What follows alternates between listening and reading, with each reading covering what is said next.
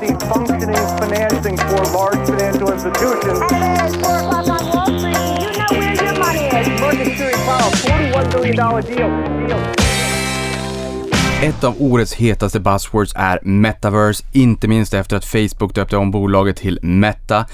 Ett svenskt bolag som länge arbetat med eye tracking heter Tobii och nu har det gått två och ett halvt år sedan bolaget gästade podden senast.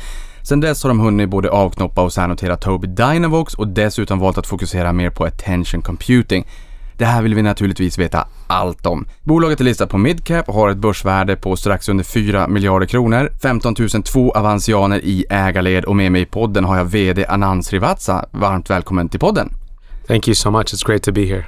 Den här podden kommer ju att hållas på engelska så att, uh, let's start from the beginning. Who is Anand? I am a uh, 20 year tech veteran. Uh, I have been in Sweden for a couple of years now. Uh, prior to being on this great adventure in Tobii, I've had the chance to live in many parts of the world as part of my career and upbringing. I was born and raised in India, got the chance to move to the United States when I was relatively young, about 11 years old. Uh, and then uh, studied engineering, uh, got the chance to work in different parts of the world, including in Taiwan. Uh, today, I have a great family a wife, two children, and a dog, uh, living the Stockholm dream. So, the humanization of pets as well. What do you think about Sweden? I love Sweden, uh, and my family equally so. My wife, probably especially so. The only person in our family that has a problem with Stockholm is probably my dog. who does not appreciate the skateboards or the scooters on the sidewalk. But apart from that, uh, Sweden has been great. Talking about India, I had Truecaller CEO and co-founder Alan Mamedi here in the podcast just a couple of months ago, and I was kind of surprised when he told me that engineers in India costs more money to employ than engineers in Sweden. But I mean, on the other hand, it feels like Indian engineers are quite tech savvy, aren't they? Yeah, uh, absolutely. I think uh, India, of course, has has a very large uh, technology focus, a very large engineering focus. Candidly, I haven't had the chance to work in India. I moved to the United States mm-hmm. when I was very young, uh, but of course, uh, you know, when I went to college, I had a lot of my colleagues and my friends who are coming from India to study and start their career in the United States. Uh, engineering is a key focus. I think, in general, of course, I've been very happy with how much entrepreneurship there is in Sweden. And I think the tech industry as a whole, uh, this is an actually a uh, major site for innovation. So tell me more about what you have done prior to this role. Yeah, prior to joining Tobii a couple of years ago, where I joined as the division CEO of Tobii Tech, I spent 15 years at Intel. Uh, the time that I was at Intel, I was in a variety of business roles. I started out in technical sales, sales management, eventually moving on to product management and business ownership right before I came to Tobii, I was running one of Intel's larger businesses, their desktop, workstation, and channel business. This is a business that has more than $15 billion of annual revenue, very large gross margin, and is focused in some of the many interesting places we continue to work on in Tobii today. Places like gaming, we were working on virtual reality in the early stages of the adoption of that technology, uh, and so some level of overlap. But my background is very much on the business side. Prior to Intel, I was an engineer uh, in the telecommunication space for uh, four to five years. I just need to ask everybody has heard about the semiconductor shortage. Um, we have never sold more semiconductors in the world than 2021. And I guess the shortage has never been greater. Do you have any comment? Um, I think that uh, it just speaks to how important technology is. Uh, I think even though we feel like technology today is quite pervasive, we see many parts of our daily life which could definitely be smarter. We see this now with cars that, of course, you know, the expectation is that they're going to be much smarter than they were a few years ago. I think you can think about that with signage or other types of uh, smart cities kind of concepts. I think in general, you end up with scenarios where the need for technology always outpaces what we believe today. Uh, and then when you get into these perfect storms like uh, a pandemic, the supply chain gets wrecked. Um, I expect that uh, the companies across the world that are looking at this will fix the shortage, but this won't be the last time we see a supply shortage. We've seen it before. Uh, I was at Intel when we were looking at it in 2014 when there was a Windows XP end of life, and we had a CPU shortage at that time when there was a huge upgrade cycle. So I think the industry sees this once in a while happen, but then they're pretty quick to respond.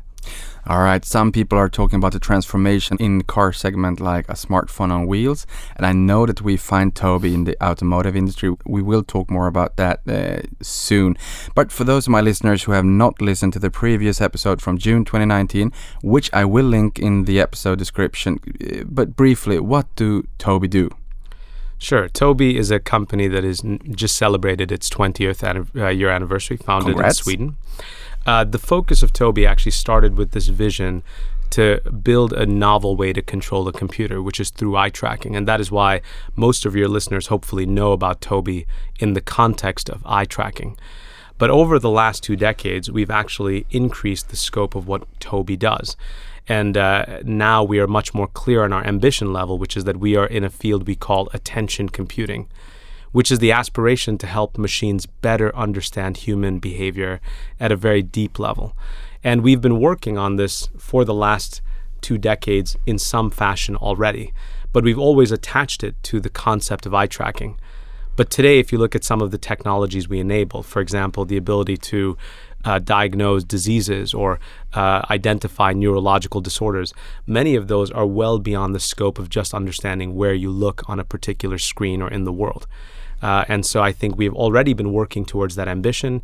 Uh, we are much more clear about our potential now and what we are focused on.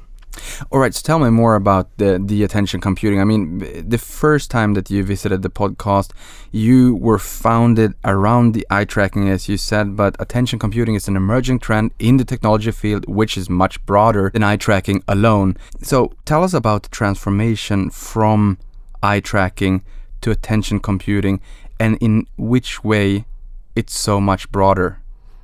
Yeah, it's a great question. Um, part of what we are doing when we talk about attention computing is actually a recognition of where we are as a company. Um, if you think about again the vision of the company, it started with being able to comp- uh, control a computer with information about where you're looking. That can be classically described as the signal eye tracking, and we derive that signal by processing images of users' eyes. But over the last two decades, we've expanded in one area that we call core signals. Think of these as biometric signals that you can derive by image processing on people's eyes, but they expand beyond eye tracking. They look at things, for example, like how open is your eye, or maybe how big is your pupil diameter. So we've expanded the set of core signals beyond just understanding where it is you're looking at. At the same time, we expanded to deliver other types of signals that come from processing images of people's faces. So, uh, signals, for example, like your head position or identification or facial landmark information. These are what we call core signals, and they provide some measurement about the person in front of the camera subsystem. You can take one step up from these core signals into a new realm we call attention signals. And this is where we transform these biometric signals into assessments about the person's mental state or maybe uh, their interest level. So we are able to determine things, for example, like drowsiness, which requires a combination of some of these signals, like maybe how fast you're blinking your eyes, how open are your eyes, assessments around your facial landmark features, etc. And we now deliver those kinds of signals, signals like drowsiness, distraction, uh, stress, cognitive load, even things like emotion. Now, we've been doing these things over the last couple of decades, but again, we've attached it to the, the word eye tracking. Now, when we take a step back and say, well, if we look at the full picture of what we deliver, is it really eye tracking alone? It's quite clear, and I think as we described in our Capital Markets Day, that this is much broader than eye tracking alone. The benefits, I think, of using the broader terminology is actually one of the key powers of understanding where you look is related to how people process information. 80% of how we ingest information or process information is visually. So when you know where people look or you have other metrics about their eyes, you can understand uh, aspects of their attention. And this is something that industries around the world care about. And that's why we're so excited about being in this field.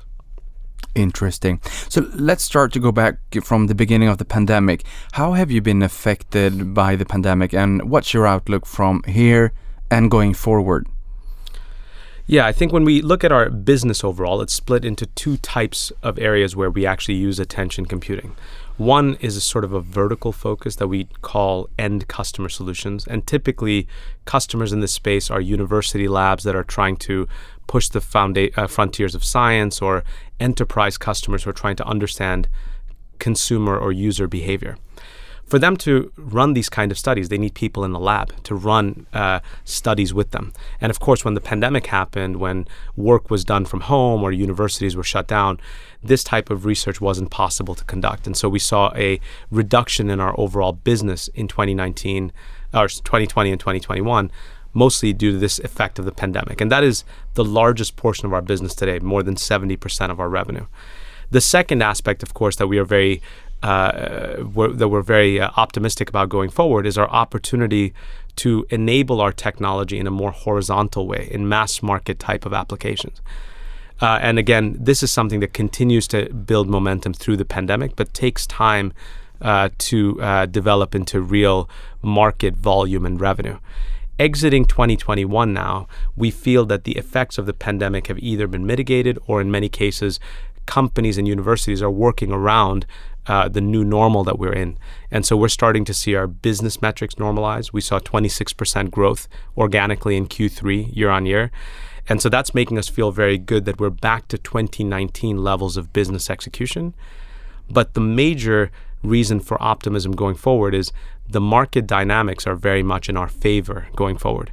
You talked about concepts like the metaverse. That was not in anybody's consciousness in 2019. It is now the buzzword of this year and next. So we think those are really good signs for us.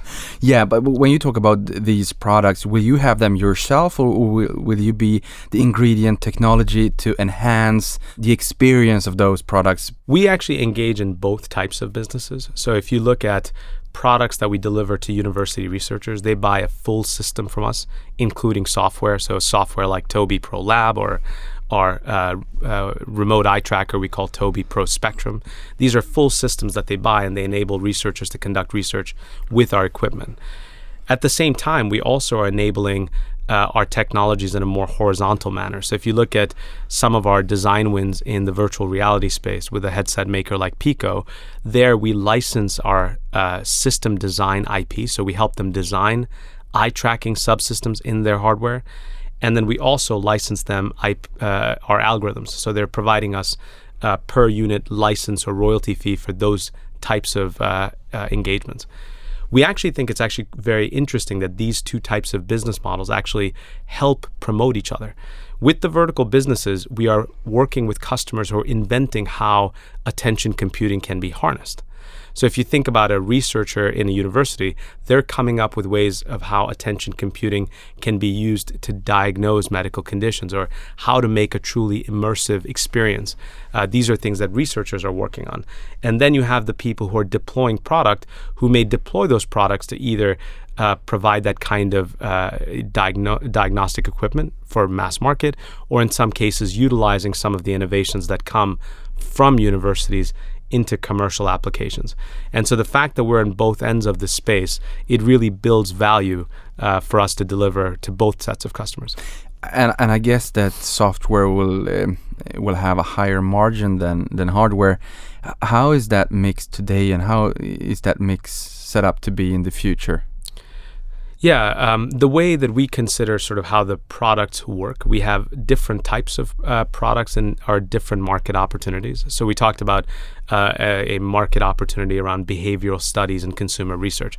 Think of the typical customer base being universities or enterprises, and they they buy both software from us and they also buy hardware from us. Both of them are pretty uh, high in gross margin. Our aggregate gross margin for that business is north of seventy percent. Then, if you consider the OEM part of our business where we are getting into integrations, it depends on the verticals we're in. If we are in an integration where somebody needs hardware from us, of course, the gross margin will potentially be less because even if they're paying us for software, we have some amount of uh, cost on the hardware itself. But in some of our uh, verticals, like in virtual reality or what we expect in automotive driver monitoring systems, we're mostly in the business of licensing algorithms and system IP.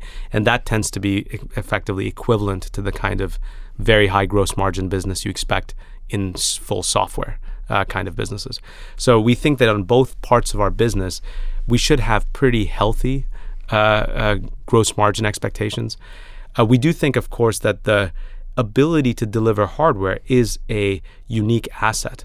Uh, because even if you think about working with an OEM, even if they're not using our own hardware, they want to partner with people who understand how to build the full system. How do they really deliver something that has the best experience or maybe the lowest cost or fits into the right power envelope? And when we are a company who has designed spe- specific compute silicon or uh, custom image sensors, we can have those discussions with them of how to make the trade offs to make the right system design. They really value that in a partner.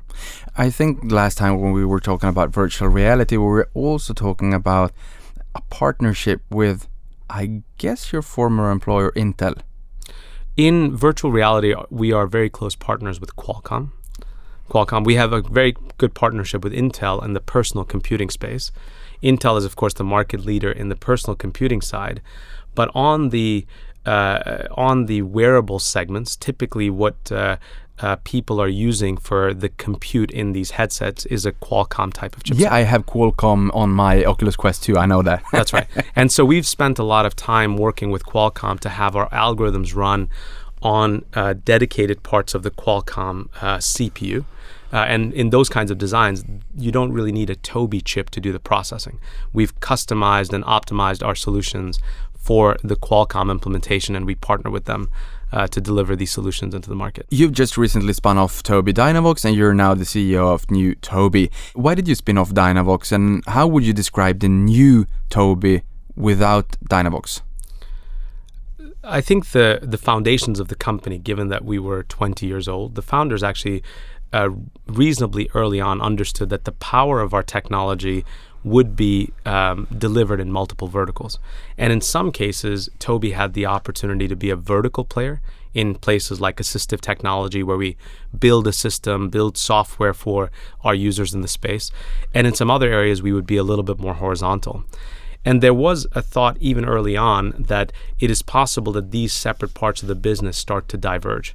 Today, Tobii Dynavox and Tobii, uh, we are close partners, but our relationship is much more of a partner who delivers technology into Tobii Dynavox.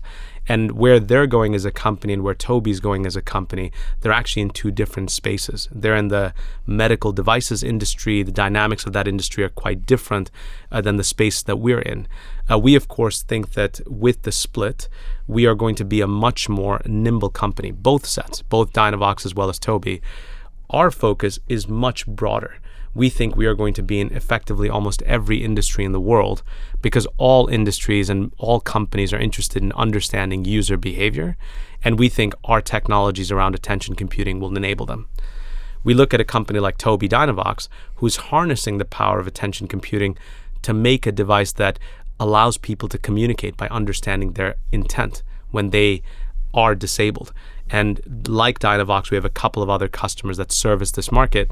Uh, again, we think that that industry has its own dynamics and something we believe that Dynavox will be very uh, um, very well positioned to succeed in. So when you were talking about assistive technology, and Dynavox says that they, they the total addressable market for 50 million people to get a get them in the end a voice. But in, in the beginning here, you were talking about identifying diagnosis. How do you do that?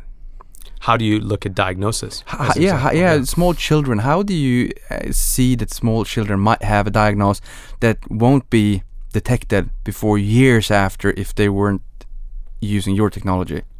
Yeah, it's a, it's a great uh, question actually, and so one of this uh, comes back a little bit to the biology of humans that where we look uh, is where we're interested where we look is where we process information.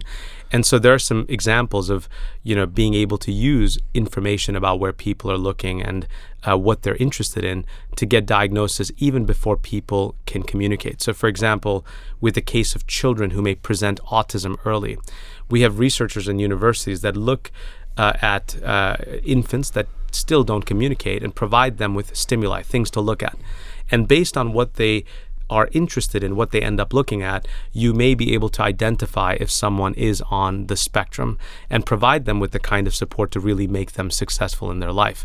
And with a condition like autism, the earlier that you find it, of course, the much uh, better the outcome for the individual is because instead of perceiving that they're different or slow or some other kind of disability is what they're afflicted with, if you understand that their brain is just processing things differently, you can support them much more fundamentally. That's one example of where we can diagnose uh, uh, medical conditions. Another example that people may be familiar with is think about a concussion. Uh, the typical concussion type of protocol when somebody actually has had a brain injury, people ask you to follow uh, a finger or some other kind of uh, object to see how your eyes actually respond when you're being asked to follow it. Somebody who doesn't have a brain injury, their eyes will pursue this stimuli, this object, quite smoothly. Somebody who's actually had a brain injury, their eyes move uh, randomly, even though they're trying to follow uh, this uh, this dot. And so again, that can help you diagnose conditions like a concussion. Uh, these kinds of techniques, of course, get invented in university and then they get deployed uh, commercially through enterprises. And this is where our work with universities is so central to future success. Hmm. But how do you get the universities to use your technology? I mean, to get to become the golden standard for people educating themselves, becoming uh, the, these people that are going to be working in the labs in the universities for for decades and decades to come. How do you get them to get used with Tobii technology? Yeah, t- uh, there's two main uh, considerations there. One is in some of these fields, of course, they have been familiar with the value of eye tracking, in some cases, even before Tobii was formed. This was one of the first businesses that Tobii uh, went into because the market already existed for eye tracking, and we had a much more uh, a novel approach, a more scalable approach to delivering eye tracking at very high performance. So, departments like psychology, neuroscience, uh, these departments have well understood that again we express interest and attention through our eyes and so knowing where people look is quite important. In the university context of course what is very important to be the gold standard is whether or not you're used in the publications that set the standard for how research has been conducted. And we are by far the leader in the number of publications that are published on eye tracking in a variety of fields using uh, uh, using technology elements like ours. So if you go back and look through it, we have thousands and thousands of papers published, and they set the standard for how a future researcher or a new student will run a particular study if they're testing some adjacency or a new concept or a new theory.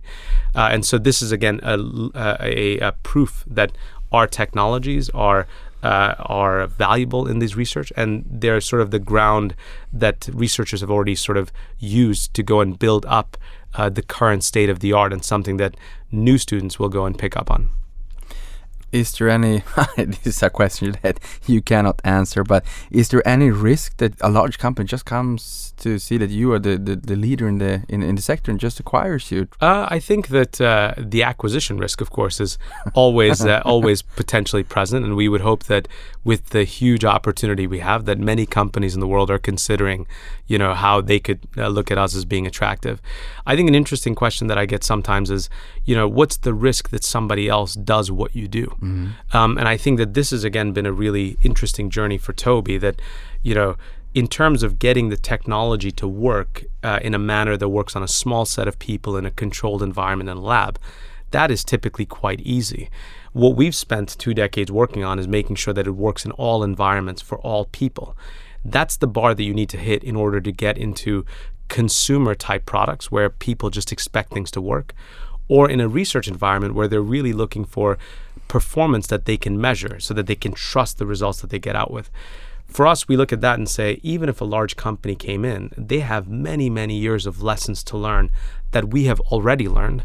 And in many cases, we've protected our technology with a large uh, patent portfolio. So we think that we have some very good defensive moats around our business, uh, which we think uh, is something that is difficult to overcome that's what I'm afraid of. That they think it's more expensive just to do it themselves, so they'll just come and acquire you. All right. So prior to the changes in the company, you had three business segments: Tobii Dynavox, uh, Tobii Tech, and Tobii Pro. Here at Avanza, we have actually been a customers of Tobii Pro. How will the company be organized hereafter?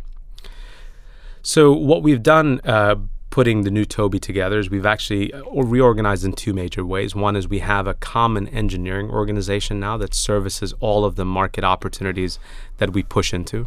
The rationale here is that we believe that our engineering technology is easy to leverage into new vertical opportunities. And so when we innovate in a new segment, for example, like automotive DMS, we can take some of that uh, enhancement and push it into universities or vice versa. And we're seeing a lot of that play out. So that's one major change that we've we've gone and implemented. The second one is as we talk to investors about our businesses, we're going to be operating in two segments that we show externally. One is sort of this end customer solution segment, which is really focused on vertical solutions, in some cases, hardware and software, maybe even services that we're selling today. And we will go and drive growth in those businesses. And that business is focused in a couple of different vertical areas. It's focused on universities, companies that are looking to understand consumer uh, behavior, but also gamers, for example, who buy systems from us to improve their gameplay. And so those are sort of devices that go directly to the end user. And then we have this other segment that is really focused on integrations that technology companies take our solutions and build on top of them. Uh, and that's the second segment today that we're we're focused on, and that's sort of how we expect to operate the company going forward. But uh, is there any mix be be between upfront revenue and recurring revenue? I mean, for the software area, I guess that you have maybe some recurring revenue. Yes. And so I think if you think in both sets of scenarios, whether it is in end customer solutions or in the OEM integration business, we have different types of business models that we uh, potentially deliver to our customers. Some of our customers like to uh, buy once, uh, so sort of a perpetual kind of purchase. Some of them would prefer to buy something where they are providing a recurring payment so that they can reduce their initial payment costs the same kind of mechanisms can also show up in the OEM side, where in some cases people want to buy once, a standard license fee uh, that they buy on a per unit basis. Some other customers of ours, we end up uh, with. Uh, uh, agreements where they're either recurring or revenue share type of models. So we have the opportunity to try the right business model with the customer that best fits their need. You've been talking about accelerated adoption of your technologies in six market opportunities. Um, gaming, automotive, healthcare, education and training, extended reality, virtual reality and augmented reality, and behavioral studies and research. Elaborate more about those uh, market opportunities. Sure. So, um, if you look at these six market areas, uh, we've talked about gaming for a while. What we have been delivering from a gaming perspective is really a couple of key focus areas. One is to make gameplay more immersive uh, and to make the gamers enjoy their games more. Uh, we've spent many years working with game studios to integrate these technologies into the games and also enable devices that gamers can buy uh, to get access to these features. We're starting to now see a big change in that market where uh, we've gotten to enough critical mass that instead of us having to work with the studios and get our technologies put into games, we're now starting to see the gamers themselves demand that Tobii technologies need to be supported. Mm-hmm. And a great example of this is actually uh, the game that we just recently announced support for, Microsoft Flight Simulator. That work really started with the community upvoting a need for this. Mm-hmm. This is super important for us because, again, you know, uh, coming from Intel, I understand that changing user behaviors very difficult. It takes a lot of time. And you end up in this chicken and egg problem where you need to create a compelling experience. But of course, the interest in com- creating the compelling experience is only real and useful if there's a lot of people who have the technology. And so, when you start to break that cycle, when you have enough of a footprint where users are demanding your tech, the cycle starts to accelerate. So I think we are finally seeing that uptick now take where off. users are, are, are demanding that. Yes, take off if we take the flight sim jargon. Yeah. Um, so that's sort of the first vertical. We think that we are ready to scale into gaming. Uh, we're, uh, and we expect over the next couple of years, of course, to see a significant uh, additional set of games as well as additional footprint in the market of our technologies. Uh, but we think that that solution is showing very clear product market fit and user value creation. Uh, the next market we talked about was around healthcare.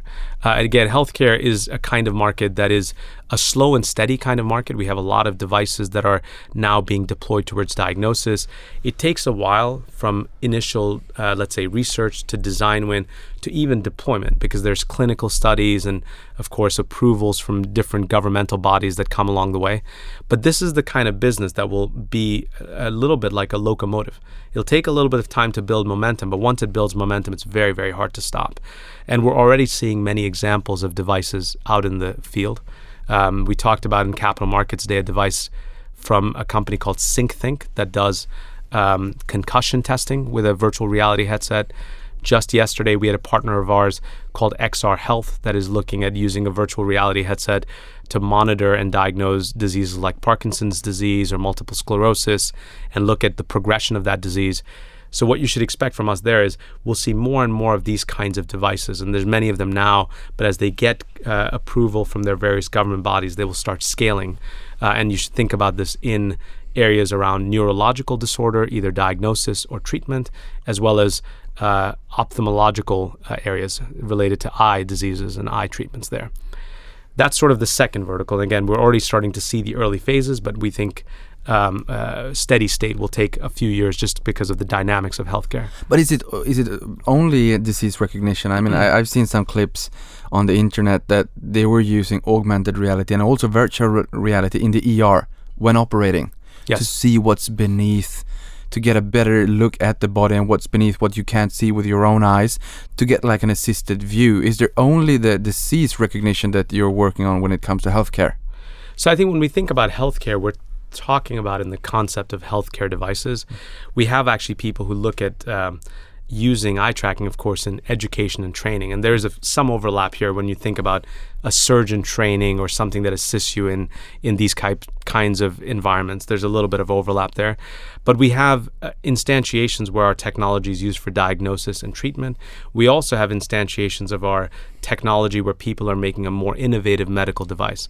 We have a customer of ours that's looking to make a uh, X-ray machine that is more focused. Today, if you think about how X-rays are done, uh, you basically uh, light up X-rays across the portion of a patient's body. There's a fair amount of X-rays going through, but typically the radiologist is only looking at one area.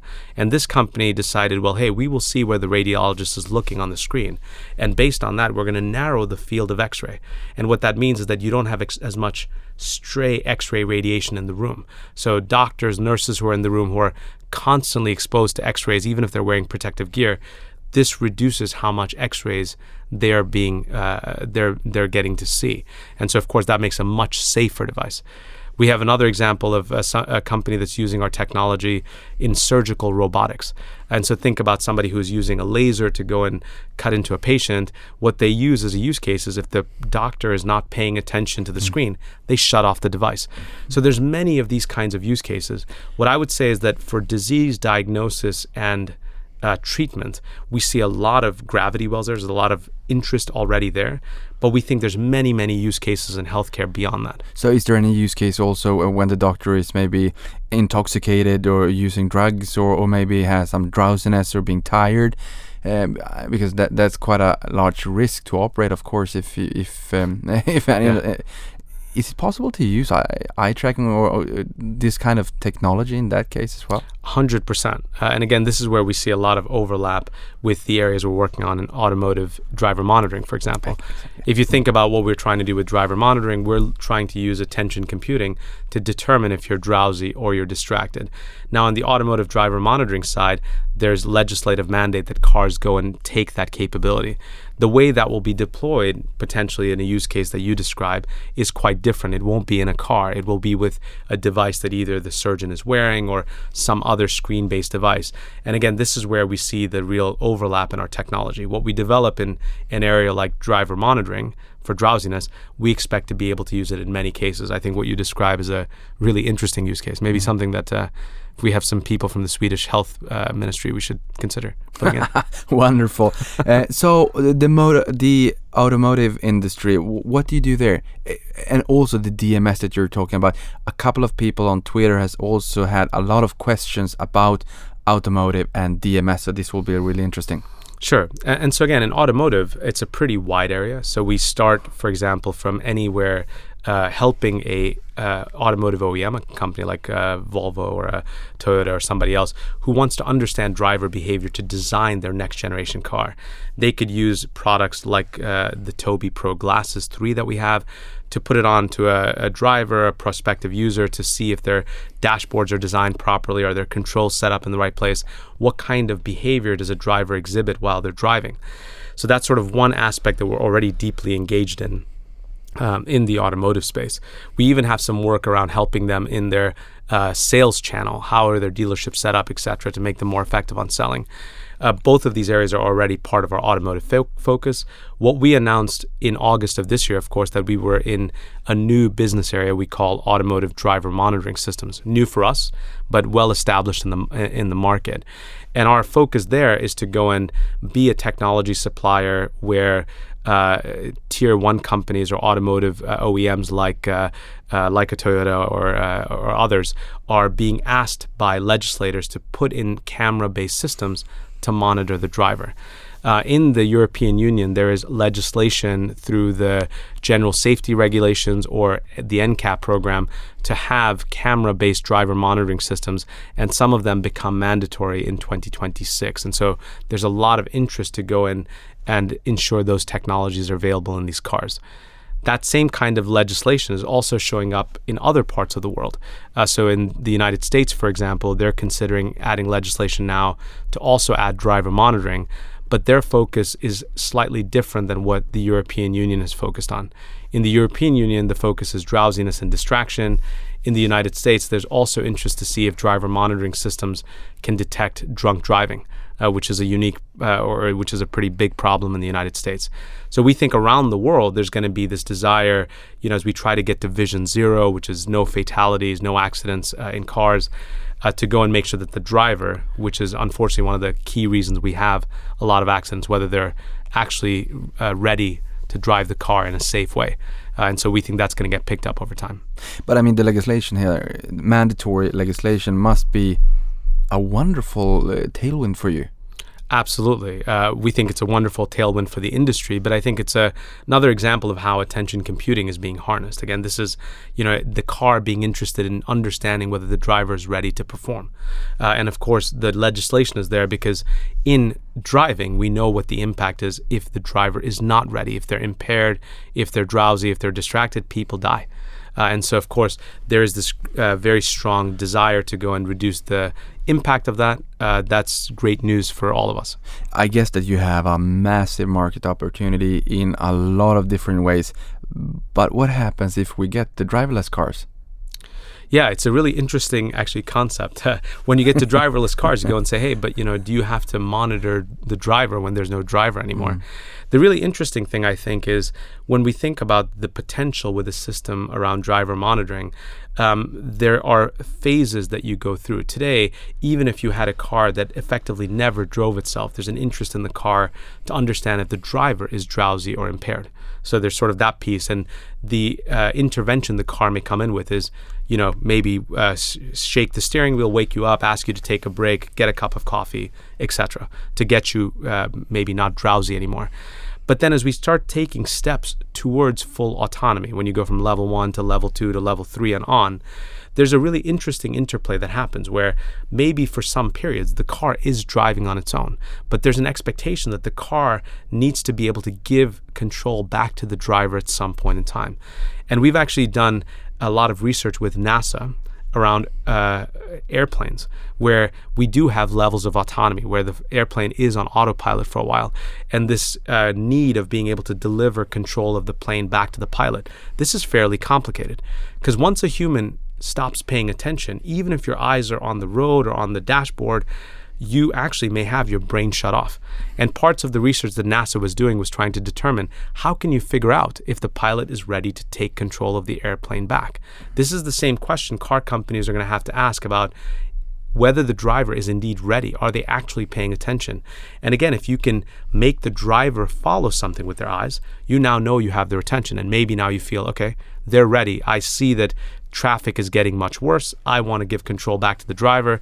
Before that happens, maybe I need to engage the driver in some way make sure they're ready, do it in a way that's subtle so it doesn't irritate the driver, but know that the driver is ready to take command of the vehicle. I think between now and driverless, uh, fully driverless vehicles, we're going to see a lot of those innovations coming up. And we think, again, that is expanded use of attention computing. Is there any way for you to, to use your technology? Let's say one person is sitting in a car, not driving, it's a driverless car in the future, but um, maybe gets an acute illness. Hmm. Is it possible for you, even there, to use your technology to alarm and tell that something has happened to that person in the car? Yeah, today, in fact, car uh, companies are already looking at um, extensions of what the uh, technology can do in the car. Uh, we talked about this concept of driver monitoring. Uh, the industry already talks about a term called occupancy monitoring systems, OMS. And again, the interest is that with the camera that you have in the car, one person you can certainly look at is, the, is at the driver. But at the same time, you can monitor other individuals in the car. They use it potentially to monitor stress levels. Are people happy, angry? Uh, they can monitor things like, hey, is there a dog in the back in case you walk out of your car and you've left the dog in there, or maybe there's a baby in the back.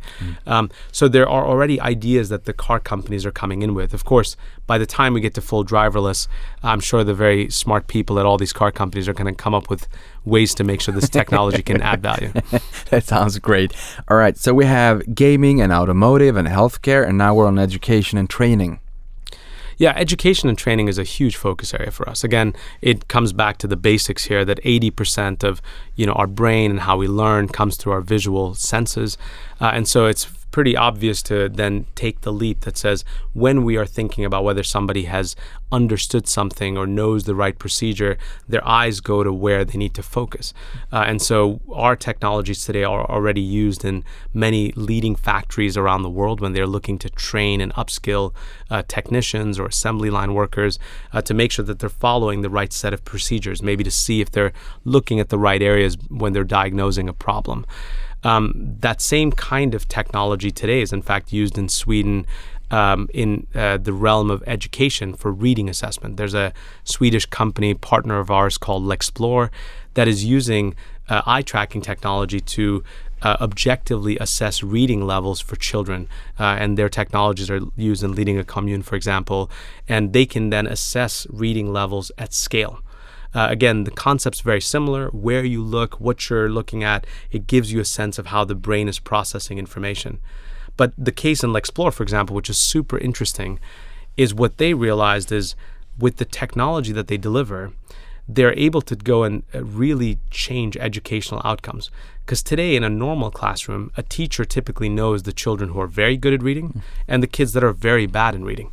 It's all the kids that are in between that are hard to assess. And of course, with a basic skill like reading, if you don't learn how to read properly when you're younger, it impacts the rest of your education. And so Lexplore is able to do this in scale and find those children that may be just slightly weak and make sure the teacher can give them the right kind of support to make them a good reader. Uh, and so they can improve everybody's reading level from the people who need a lot of support to the people that are very, very good. Uh, and of course, you know, in the times of the pandemic now, when we see more and more technology picked up, more and more online education, we can think about how technology can really help improve children's educational outcomes. This for us is a huge opportunity. That's really interesting to hear. And you have the next one. We have the extended reality, virtual reality, and augmented reality besides gaming. Yeah, besides gaming, this is one of those really hot areas now that we talk about the buzzword around the metaverse. Um, we, of course, see opportunities with virtual reality and gaming, but virtual reality as a concept can change lots of industries. In fact, today, one of the big areas of focus is really around enterprise and collaboration, whether that's design or other kinds of environments that can be built in, built in virtual reality and tested simulation, training, collaboration, etc all of these kinds of experiences would benefit from something where the digital collaboration is much better. And if you really zoom out from the metaverse concept, that's actually what people are saying that we can start to build really engaging digital worlds where your collaboration experience is really, really good. Something like how we imagine it today full retina experience. I read all of your expressions, you read mine. We really feel like there's very little preventing us from collaborating the way we want to. And of course, that can be deployed in gaming, it can be deployed in training, it can be deployed at the workplace. Um, and for us, in order to go and deliver that kind of experience, you have two sets of things that are important. One is really good visual quality to fool your brain to want to be in the space, to make it look like reality. And for a virtual reality headset, if you want to deliver that kind of quality, it either takes a lot of compute and graphics or you use eye tracking to only deliver really high performance compute and graphics where you look. That's a technology we call foveated rendering. Yeah, we were talking about that the last time as well. Yeah. So that's one. So that's basically making a super immersive uh, experience. The second is, of course, bringing uh, the sense of reality and can we communicate with nonverbal cues?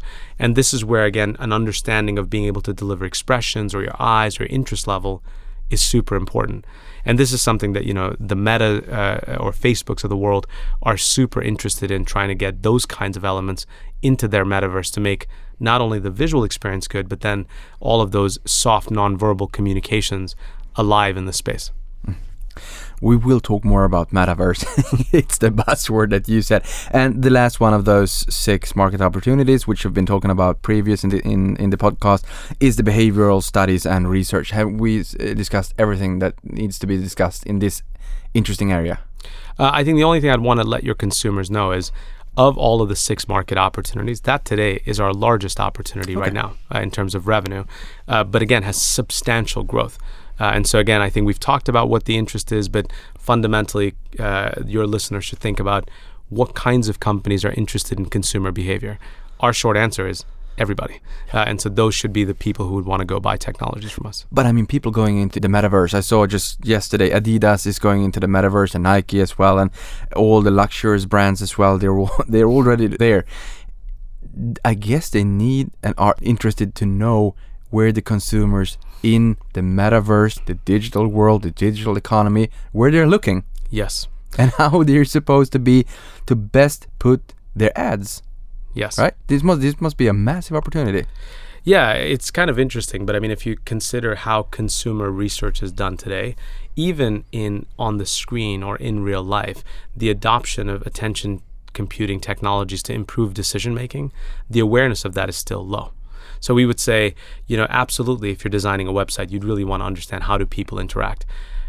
Uh, this is one of Tobii's challenges to make sure our technologies that the awareness of what we deliver is higher, so that people, of course, assume or uh, understand that designing without understanding what your consumer is experiencing doesn't make sense.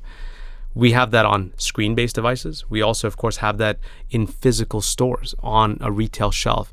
A lot of our solutions are used to go in and decide, you know, how are packages designed, how is the store layout set up so you can have the maximum impact. And what you talk about is when the metaverse happens, the same challenge is going to happen in a virtual reality kind of environment. The same kinds of dynamics where people say, hey, if you've got, you know, Adidas trying to go and sell Adidas skins or shoes in a metaverse store, they're going to think about whether they're attracting your attention. Uh, and I think those kinds of concepts, of course, uh, they flow from uh, screen based to real life to a virtual world. Which one of these verticals or technologies do you think have the potential to grow at the fastest clip, and which do you think will be the most profitable? Uh, it's an interesting uh, question. Uh, I think that the dynamics of our of these six market opportunities are a little bit different from each other. If we think about a case like extended reality, what we are really um, uh, optimistic or really excited about in that space is the volume opportunity there. We, of course, believe that there will be a day when augmented reality headsets are real, that they will replace our smartphones. For them to really be effective, you will need attention computing inside them. That should represent a multi billion unit per year market for us. But of course, you would expect that maybe the average selling price for our technology in each of those headsets is not super large. Now, if you compare that, on the other hand, to something like consumer research or uh, even healthcare, there we expect to make much more on a per unit basis, uh, but the kind of uh, volume that you'd be shipping would be quite different. Uh, we think each of these six market opportunities represents more than 1 billion SEK of revenue per year. Uh, and we think that many of them will have very good margin dynamics for us. Let's talk about gaming.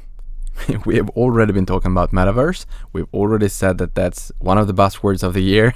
so here it comes. I've tried the PlayStation VR and it, it, was fun, but I felt that the experience was in its early innings a couple of years ago. Now I tried the Oculus Quest 2 and I love it.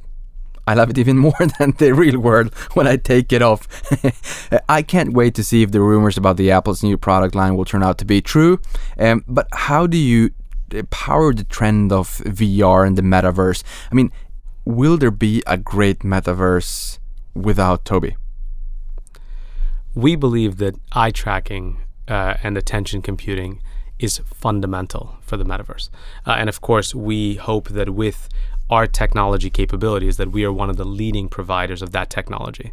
Uh, again, the reason for it is the power that it has to create immersive virtual experiences and also realistic experiences in terms of bringing in, you know, the sense of attention in the space. Uh, from that perspective, I think it's pretty clear that our technologies are going to be quite important. And, you know, of course, you would expect a company like Tobii to say so.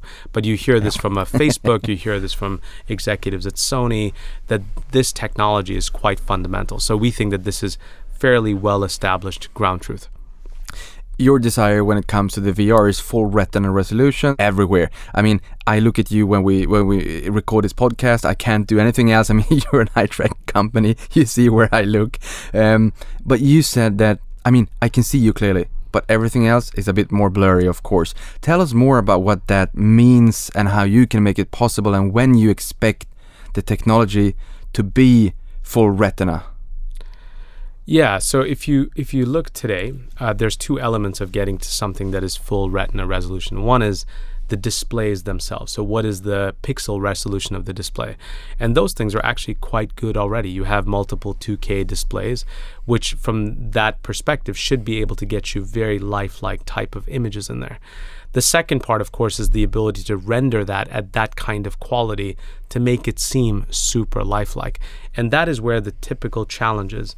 Because if you think about, you know, a large gaming computer, for example, if you've got a 4K screen, in order to deliver something like that at 60 frames per second, it takes a huge amount of horsepower on graphics, 30, 90 plus. What you're saying with VR is to take two screens, the equivalent of two monitors, and run them even faster than 60 hertz, 60 frames per second, because you need something that refreshes very fast so people don't get sick inside their headset. And this is where the problem happens. You have a screen that's very capable, but you have compute and graphics that's limited.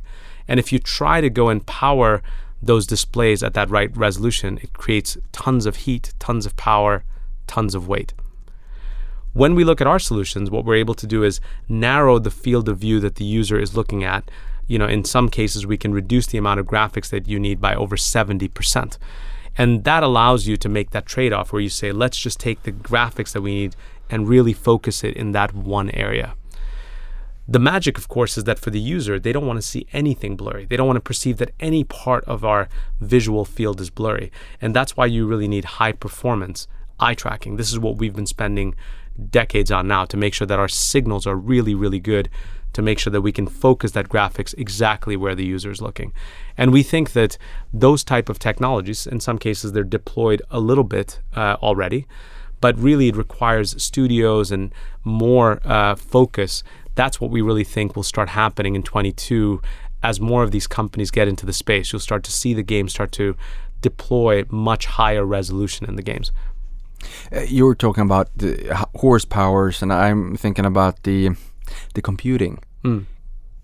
Can we make the computing? Can we outsource the computing to a hyperscale data center with your uh, foveated rendering and 5G mm. in order to make this, in order to enable this to become true even faster? Yeah, I think that that is sort of the future vision. Of course, today what you would say is, you know, there's two types of compute for VR. Compute that's on your head, uh, like an Oculus Quest 2, compute that is on a PC that you're tethered to, like an HP headset or a HTC or the old uh, Valve uh, or the Valve Index kind of headsets. So those are two modes. But of course, in the future, what we'll want is the ability to say, I want very lightweight compute so that my headset is not heavy, and I want to do the compute somewhere else, on the network somewhere, off of 5G. The technology that we deliver actually, in that case, enables two types of improvements. One is foveated rendering to allow the compute to only render that part that you look at. But there's another aspect, of course, where we could say what we stream can also be lower resolution. We call that foveated transport. If you know where you're looking, in addition to reducing what you compute, we can also reduce the network traffic, which means you have lower latency, maybe a much better experience since your stuff is being rendered remotely. The combination of those two things, I think, are very powerful in terms of enabling uh, this future state. Because you said 2022 seems to be a banner year for virtual reality. I guess you have some insights, um, and I, I, I, won't be angry if you give us some breaking news. I guess you, you can. I'm hoping for, for the Apple one as well. But um, tell us more. 2022 banner year. Yeah, I think uh, you know. Again, we've been in. Uh, I've been in Tobii for a couple of years, as I mentioned. You know, I was at Intel in some of the earlier days of when tethered virtual reality was uh, quite uh, interesting. I've seen sort of the hype cycle in the early days. Uh, what I would say is, in the last six months to a year, the industry buzz around virtual reality has changed dramatically. Uh, if you were to ask me two years ago, of course, we would still have been very optimistic about VR, but a little bit careful because we didn't know when this industry was going to mature, if it was going to be as big as it was expected to be. Two years ago, everybody was still very much focused on augmented reality. And there was, of course, the concern that virtual reality would just be a stepping stone to augmented reality and that it would sort of just disappear over time. In the last six months, that narrative has completely changed. Uh, and I think it's almost hard to understand how much that's changed. Companies were completely focused on augmented reality are now really focused on making sure they have the right virtual reality combinations. I think the announcements that you see, some of them which are rumors, um, I think they're indicative of the interest here. But you know, you look at a customer of ours like Pico that got acquired by ByteDance. You know, more and more companies that are in the social media kind of environment understand uh, and are starting to appreciate the power of virtual reality. I think they understand that they need to be in the space. You talked about Adidas and all these luxury brands going in those were things that weren't happening a year, year and a half ago. Um, and I think that's really why we believe that 22 is so important because a lot of this company interest drives developer interest. Developer interest will drive better experiences. Better experiences will drive users to buy and use these devices, and that just pushes the cycle faster and faster. We were talking about education and training. Is there a possibility that we will also see education move into virtual reality in school in order to make it more fun. I mean, fun and to make it more appealing to learn how they built Rome. Yeah. If I'm actually there, and if I'm actually seeing how they're building Rome, I guess I would remember it more clearly than I would if I was just reading a, an old textbook. Yeah, no, it's a, it's a great comment, and for sure, I expect that uh, VR will be picked up more and more in education. In some cases, it already is. But I think in general, this trend of technology being uh, picked up in education and schools is growing pretty rapidly. What I think is actually an even earlier trend is VR in training. Uh, and you know we see this already. Uh, a partner of ours is using VR to train pilots. But one of the great advantages of VR, of course, is you can put somebody in a very dangerous situation. You know, you want to try out crash landings. It's not something you're going to want to do no. in an actual plane. If no. you want to put somebody in a situation which is quite dangerous, you can mimic those scenarios in a virtual reality environment. Uh, you know, when I was working uh, at Intel previously, we were uh, part of uh, the Olympics. We were one of the top sponsors, and one of the things that the Olympics host there for Japan we're thinking about was how do you do disaster preparedness? If there is a fire in an event and you have an, uh, the people that run that area, how do you go and get them to mimic that scenario, make sure they take the right steps? Virtual reality can be a great tool uh, to sort of make sure that that uh, kind of scenario can be trained and practiced for. How important are your cutting edge technologies when it comes to your customers and their end products? Um, so we think that innovation is critically important. Uh, but if you think about innovation, there's maybe multiple dimensions of it. One is to get signals that have the right level of uh, performance. That's one metric. The second one is what we talk about in terms of robustness, which is that the signal works for everybody in all environments. That's also critically important in terms of getting into consumer scale. The third dimension that we have is to add more higher level capabilities, what we talk about as attention signals, things like drowsiness or cognitive load or emotion, because uh, that can be tied to user value. Uh, and then there's a final dimension here, which is really fitting our technologies into the designs that our customers want to build. Uh, maybe the best use case here is when we think about wearable technologies. Today, if you think about a VR headset, it's quite big. We want, of course, our technologies at some point to fit into a standard pair of glasses. So that's also super important. So, which are your main competitors out there, and and, and what's how would you best describe your moat? Um, so I think that there's two sets of competitors when people uh, ask us. Uh, one is, you know, some people talk a little bit about, you know, the large uh, tech companies in the world, the Facebooks, the Googles, the Microsofts, some of them have in house attention computing capabilities. Um, most of those players are really in the wearable space in virtual reality. We think that they are actually potential customers. We're very flexible in how we work with them. And of course, we know that we have to prove that we have good technology, but we think that we have the opportunity to either augment their in house teams or, in, in some cases, replace them. When we look at our direct competitors, um, you know, some of the names that typically come up are companies like SmartEye and Seeing Machines. And I think what we have as a unique position is that we are in multiple market verticals with critical mass. And companies like SmartEye and Seeing Machine, for example, are focused in one vertical area today, uh, specifically automotive. They're quite strong. They're an incumbent in the space. We have a lot of uh, respect for their engineering capabilities there. But we think that our approach of reusing our technology in different verticals, we think that is a huge advantage. And we can reuse our technology uh, pretty quickly into new applications. And we also, because of that, have more scale more scale in terms of resources, but more scale in terms of revenue. Uh, and I think if you think about risks, uh, we are less susceptible to risks because we are spreading our uh, eggs in multiple baskets. That's great when it comes to investing as well to spread the eggs, not put them in one basket. Um, how cyclical would you say that your business is? I mean, you have the healthcare and gaming and education, behavioral studies, and so forth. Um, is it cyclical? Um, I think that um, there are different beat rates for these type of businesses, but I don't think that there's a strong cyclical uh, behavior except for what would be in the behavioral studies and consumer research. For our end user business, there is some type of seasonality built into um, budget cycles. But again, that is sort of going to be over time a smaller part of the overall business. The cyclical nature of the rest of our business is really related to OEM design cycles. Uh, so, you know, how long do they typically keep uh, design around for? And that varies. In the PC segment, it could be one to one and a half years. Today, in virtual reality, we see devices that sort of are around for, let's say, two to three years. Over time, that may actually have a much faster beat rate. And of course, if you think about something like automotive, they're typically keeping a line around, or at least a platform, for about seven years. Uh, and so there are a variety of these kinds of cycles that show up where you can win a design, it'll go up into ramp, and then maybe it eventually ramps back down, and we need to go get the next stage of design. Uh, again, this is a little bit like having eggs in different baskets. We can ride out some of that cyclicality with different uh, vertical segments. So, on that product cycle iteration, can you just tell me where do you think that virtual reality will be in five years? Um, you know, the market uh, estimates are for growth at about 40% uh, over the next five years. So I would say that if you think about where we are uh, at about, uh, let's say, 5 to 10 million units this year, you can sort of do the math on where we think we would be in five years. My, uh, my actual uh, hope for the industry, or what I would expect to see, is very strong user behavior.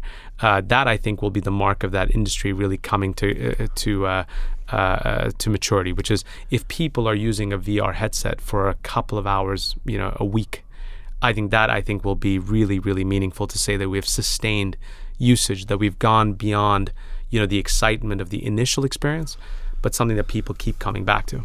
But will you draw any Uh, data and information? Will you harvest any information anonymously when it comes to a lot of people using the headsets and, and your technology for quite some times every week? I mean, you must have a heck of a lot of data in order to enhance the technology even further. Is that a, a, a use case for you?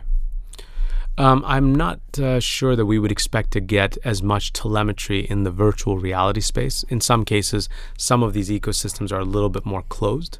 Uh, but of course, in that kind of device, um, attention computing is a critical part of the headset. So it would be used all the time. So if you're using the headset, you're using our technologies. It's not as if this is a feature you use once in a while in the headset. It's how the headset actually works. Uh, today, for example, if we look at other uh, aspects of our business, gaming, for example, where people use our technologies uh, in certain games for certain types of use cases, we do get some usage information, and this is where we're seeing, you know, 10x growth in the uh, monthly active users of our technologies and simulation games, for example. So we do track that on the personal computing side. We get uh, usage data that our customers choose to provide us to help us improve our products. So I love word virtual reality today. So what will I feel in five years? Amazing. You have six market opportunities, which we've been talking about. Uh, you've chosen to to focus on on these six. Is there any number seven, or will you be focusing on, on these for now? Uh, I think the intention is to focus on these for now. We do expect, of course, that attention computing will be used in other uh, ver- verticals going forward, and as they mature, we may consider adding to those. But we believe that these six represent very clear opportunities for us today. So, how large is the total addressable market? And you were you were talking about it just a couple of minutes ago the growth opportunity? Yeah, so I mean, if you look at Tobii today, uh, in our last 12 months or so, we're about a run rate of about 600 million SEK at this point in time. Uh, what we've said is that by 2025, we expect to reach 1.5 billion SEK of revenue. We think that each of these six market opportunities should represent 1 billion SEK of revenue per year for Tobii And we think our long term opportunity is really uh, enormous. If you think about aug- augmented reality coming into uh, actual uh, full ma- market deployment, we think there are market opportunities more like 60 billion SEK a year. And that, of course, the math there is billions of devices on augmented reality, maybe 100 million devices on virtual reality. Cars today ship in about 100 million units uh, a year. Uh, PCs are at about 250. It's very easy to get the math to be north of 2 billion units just on mar- mass market devices alone. And then we have sort of the kind of business we can build around. Uh, behavioral studies, consumer research, education and training. Uh, and so if you put that all together, that number on that TAM, uh, we think is pretty realistic to expect that's the kind of market we're playing in 60 billion SEK. That's great. So, so which are your uh, largest customers today? Um, I don't know if we actually talk about that publicly. Mm-hmm. But the concentration of the largest customers, is it a high concentration? Um, I would say that actually not. Uh, we don't have very large 10% customers, for example. Uh, we actually have a pretty healthy mix of customer bases.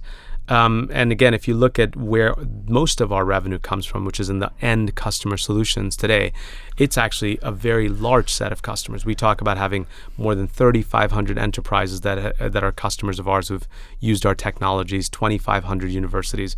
So we have a pretty broad uh, spread of customers. We expect, of course, that large customers will start coming up in the OEM space, where you will see those kinds of customers being relatively large revenue uh, contributors to us. But because we are in different uh, uh OEM opportunities, whether that's DMS, uh, automotive, or uh, virtual reality and augmented reality or personal computing, we think that we will continue to have a broad set of customers even in those areas uh, where we can you know expect that we would have hundreds of customers uh, over time there. So h- how do you acquire a new customer? I mean, is it more important to acquire a new customer or to grow with your existing customers when they scale up? So we have a lot of focus in winning new design wins on the OEM side. So that's clearly a big focus. Uh, we also, of course, think that it's quite important to win new customers on the end customer solution area because awareness is a is a challenge for us. So when we win new customers, it's not just about getting extra revenue, but of course you get additional proof points, you get extra awareness. Um, we think that, uh, of course, it's a little bit of a of a tough choice. We want to grow new customers at the same time we see uh, significant opportunity to grow uh, into the existing customer bases we're in. I would expect that over the next few years, as we go into these different market verticals, that you should expect that we are getting many new customers, and then as we dig into them, uh, that we will spend a lot of time in growing uh, the revenue from each of these customers. So, so what's your win rate when it comes to these um, uh, design wins? Um, it's and hard. what's and what's the what's the most important thing to think about? And what do you think that my customers need to know about design wins? Um, I think there's t- two sets of uh, things to consider when we look at design wins. The first one, I think, is what's the competitive environment. Uh, if you think about, uh, you know, virtual reality, for example, um, for companies that don't have inbuilt technology, I think we are the gold standard for uh, implementing the solution. So if you come in and look at what does it take to convince somebody to go with Tobii, it's more a question of do they believe in introducing attention computing into their solution. If they believe in it, the likelihood that they go without is, is very, very high. Uh, we have not lost one integration on the VR side uh, to another third party device at this point in time. So, from our perspective, you know, we have a 100% hit rate. Uh, then, of course, there are customers that have their own technology. And so, uh, that would be one thing that I think that it's important to, to look at the competitive landscape that we're in. Uh, and we are in a pretty good position in VR. We are basically the only third party company that has integrations in that space. The same is true as well, of course, in the personal computing space. We are effectively the only player delivering uh, eye tracking into mass market applications in the space. And so there we're really focused on convincing the customer of the value of the technology. This is why virtual reality in 22 is so important. Mm. That you know we see this huge momentum in the space, and there's well understood benefits with our technologies. In a space like automotive DMS, it's a different environment. There, we are very much a challenger. And of course, we're trying to build our capabilities from a technology perspective and show credibility in the space. And so, there, of course, we expect that we have to get to that level of maturity to win business. But we're in this space for the long run. We think that there is a huge opportunity out here. We think there's a lot of uh, leverage from our technology uh, core investments that we make. Uh, and so we think that we will be a strong player, and our aspiration is to be a top five player uh, in the near term, and uh, you know, winning uh, our uh, fair share of the business going forward. You conducted a Capital Markets Day in early December. What, what do you think are the key takeaways? Um, I think the key takeaways for us is that uh, you know attention computing is this huge opportunity. We've talked about the overall TAM that we're participating in. Uh, I think that is quite important for people to really understand the context of the business that we play in. The second piece is that we are seeing accelerated adoption in these six market verticals. Uh, for me, the really important aspect of that is you know, with a technology like attention computing, it's not an if question, it's a when question. And of course, the when question is when is the inflection point? It's hard to call that in the future, but if you see many industries trying it out, experimenting with it, we can kind of get the sense that in, that inflection point is is coming. So that's the second one that we see accelerated adoption in the space. Third, specifically for Tobii, is that we are in a really unique place to capture uh, and win in this space because of our revenue scale, our employee uh, base scale, our patent portfolio scale, the, the customers we already have at this point, and our brand value. Uh, and then finally, that uh, you know, with the bets we've made in these six market verticals, we're starting to see the market dynamics support uh, growth and harvest over the next couple of years. And so we think that we are in an era of sustained, faster than historical growth sweet music. Um, you said that you had a revenue run rate of 600 million Swedish crowns. You got a target of 1.5 billion in 2025. When will you reach break even? So our goal is to reach uh, EBIT break even during the year 2023 the year after the banner year for virtual reality. That's great. You employ over 600 colleagues, of which one over one third works within uh, research and development. Can you tell us anything about what's cooking in your R&D lab?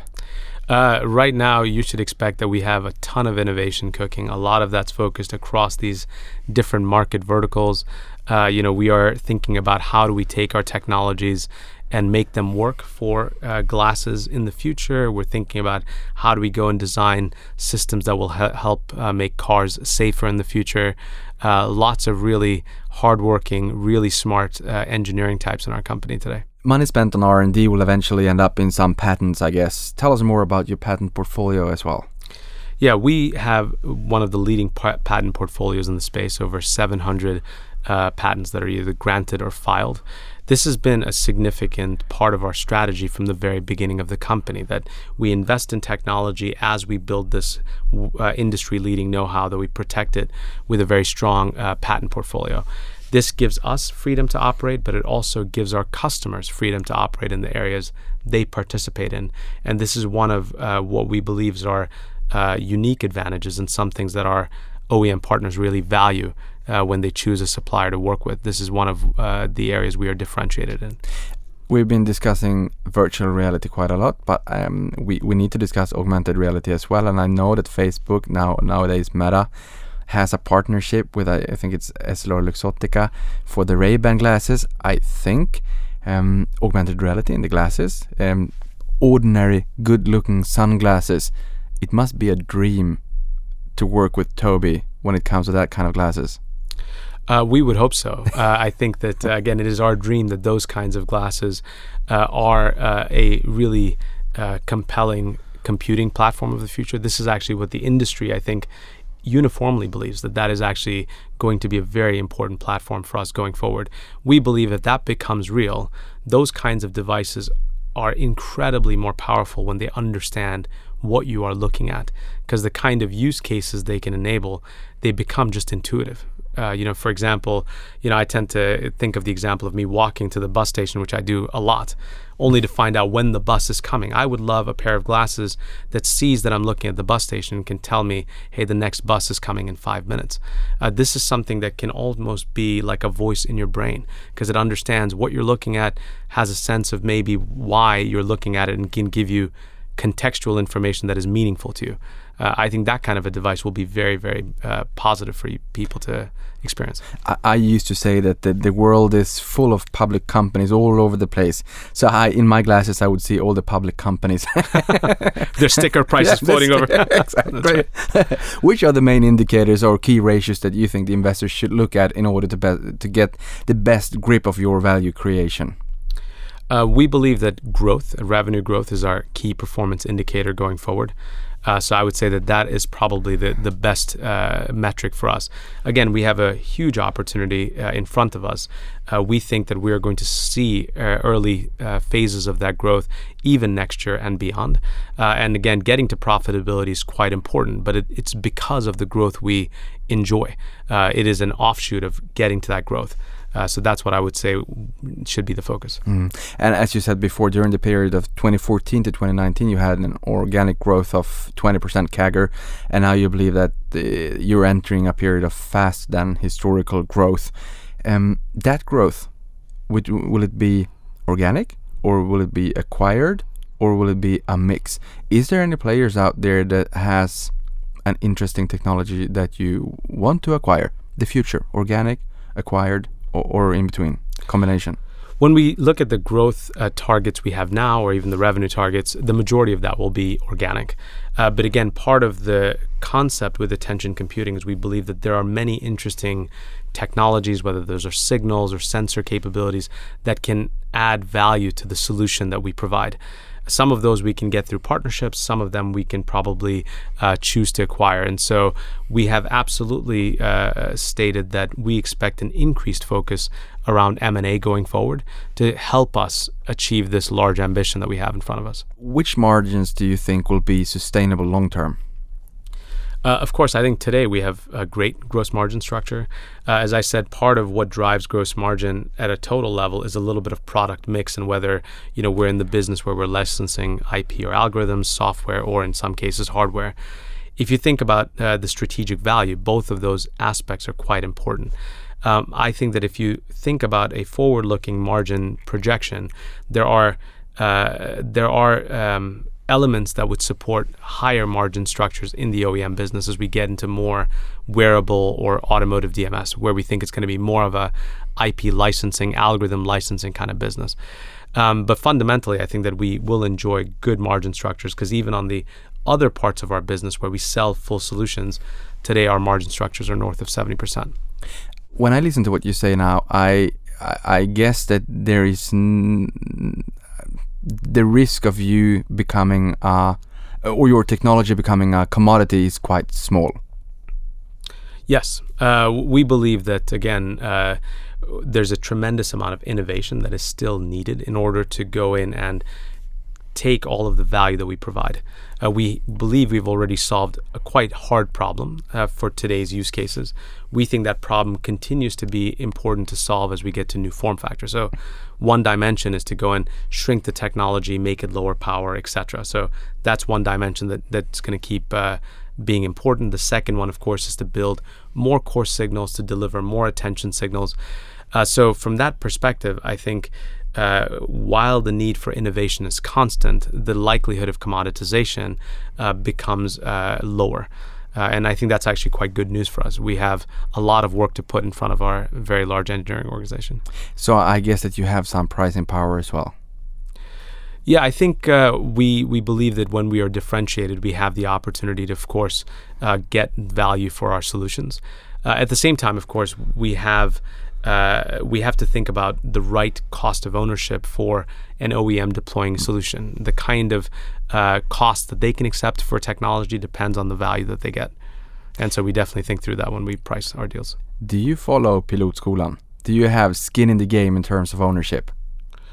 Uh, I have some skin in the game in terms of ownership of the company, yes. Perfect. W- where do you think the company will be in five years? Um, I again, in five years, we will definitely be north of 1.5 billion second revenue. that is one. Um, the second thing, of course, is I think that we are expecting to continue to grow uh, our investment base, both in terms of uh, engineering as well as uh, our muscles in terms of commercialization, so sales and marketing, as we drive to that kind of uh, to uh, of goal. Uh, where I expect to be in five years is that we are in a relatively high level of maturity in some of these market areas we are participating in. We should have absolutely scaled in gaming. I would want most of the gamers in the world to know about the technologies that we deliver, which today is not necessarily the case. Uh, we would want to have most of the companies around the world uh, think about using attention computing to better uh, understand their their customers and we would want to see that education and training using attention computing as well as virtual reality with uh, uh, attention computing that that has become mainstream. So to wrap it up, uh, why should investors consider investing in Tobii? Um, I think that we are in a very uh, unique point in uh, the company. Uh, the company has become more nimble and focused, uh, and I think we can uh, be much more clear about our ambition in the smaller context that we are in, which is that we have this very large opportunity around attention computing.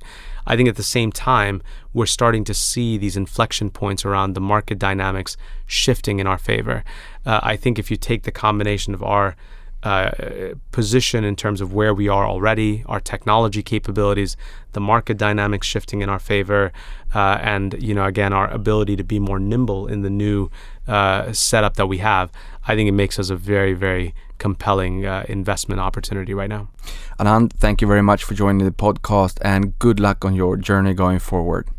Thank you very much, Nicholas. Och stort tack för att du lyssnade på det här. Uh, and thank you for understanding my Swedish as well. no problem. Money, Mercury Power, $41 billion deal. deal.